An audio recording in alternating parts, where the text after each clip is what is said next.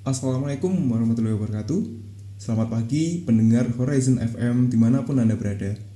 Jumpa lagi dengan saya Fajar Akbar dalam Horizon News Pagi. Sejumlah berita hangat telah kami siapkan untuk Anda pagi ini di antaranya Putri Chandrawati mengaku tidak mengerti dakwaan jaksa BPBD evakuasi warga terdampak banjir di Malang dan Presiden lantik Dewan Pengawas dan anggota BPKH 2022 sampai 2027. Informasi pertama mengenai Putri Chandrawati mengaku tidak mengerti dakwaan jaksa. Pengadilan Negeri Jakarta Selatan menggelar sidang perdana Putri Chandrawati terdakwa perkara pembunuhan berencana terhadap Brigadir Noviansah atau biasa kita panggil Brigadir J. Usai jaksa penuntut umum membacakan dakwaannya, ternyata Putri Chandrawati mengaku tidak mengerti saat ditanya hakim. Jaksa menjelaskan kalau Putri telah bersama-sama melakukan pembunuhan berencana dengan terdakwa lainnya seperti Verdi Sambo, Ricky Rizal, Richard Eliezer, dan Kuat Ma'ruf. Menurut jaksa, pada saat Verdi Sambo menjelaskan tentang skenario tersebut, Putri Chandrawati masih ikut mendengarkan pembicaraan antara Verdi Sambo dengan Eliezer. Perihal pelaksanaan merampas nyawa korban Joshua akan dilaksanakan di rumah dinas Duren 3 nomor 46. Tidak hanya itu saja, Putri Chandrawati juga mendengar Verdi Sambo mengatakan kepada Eliezer, jika ada orang yang bertanya, dijawab saja dengan alasan akan melakukan isolasi mandiri. Informasi selanjutnya mengenai BPBD evakuasi warga yang terdampak banjir di Malang. Badan Penanggulangan Daerah atau BPBD Kabupaten Malang melakukan evakuasi kepada warga terdampak banjir yang terjadi di lima kecamatan di Kabupaten Malang, Jawa Timur. Sadono, Irawan Kabit Kedaruratan dan Logistik BPBD Kabupaten Malang, Senin 17 Oktober 2022, mengatakan saat ini tim yang diterjunkan masih fokus melakukan evakuasi kepada warga yang terdampak banjir akibat hujan dengan intensitas tinggi dan pasang air laut.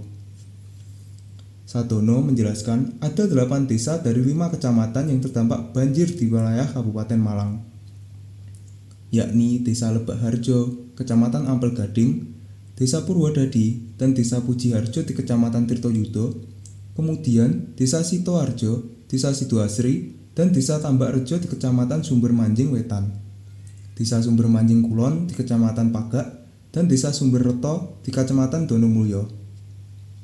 Untuk saat ini, lanjutnya BPBD Kabupaten Malang bersama pemangku kepentingan lainnya masih belum membuka tempat-tempat pengungsian untuk menampung warga yang terdampak bencana banjir tersebut.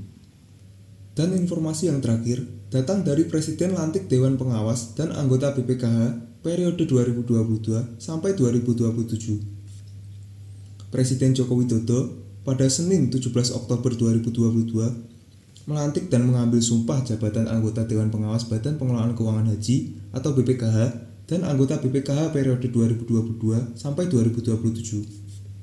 Dasar hukum pelantikan tersebut adalah keputusan Presiden Republik Indonesia nomor 101 tahun 2022 tentang pemberhentian dan pengangkatan anggota Dewan Pengawas dan anggota Badan Pelaksanaan Keuangan Haji yang ditetapkan di Jakarta tanggal 14 Oktober 2022. Para anggota Dewan Pengawas BPKH yang dilantik untuk masa jabatan tahun 2022 sampai 2027 masing-masing Firmansyah N. Nazarudin, Denny Suwardini, Heru Muara, Dawud Arif, Mulyadi, dan Rojikin.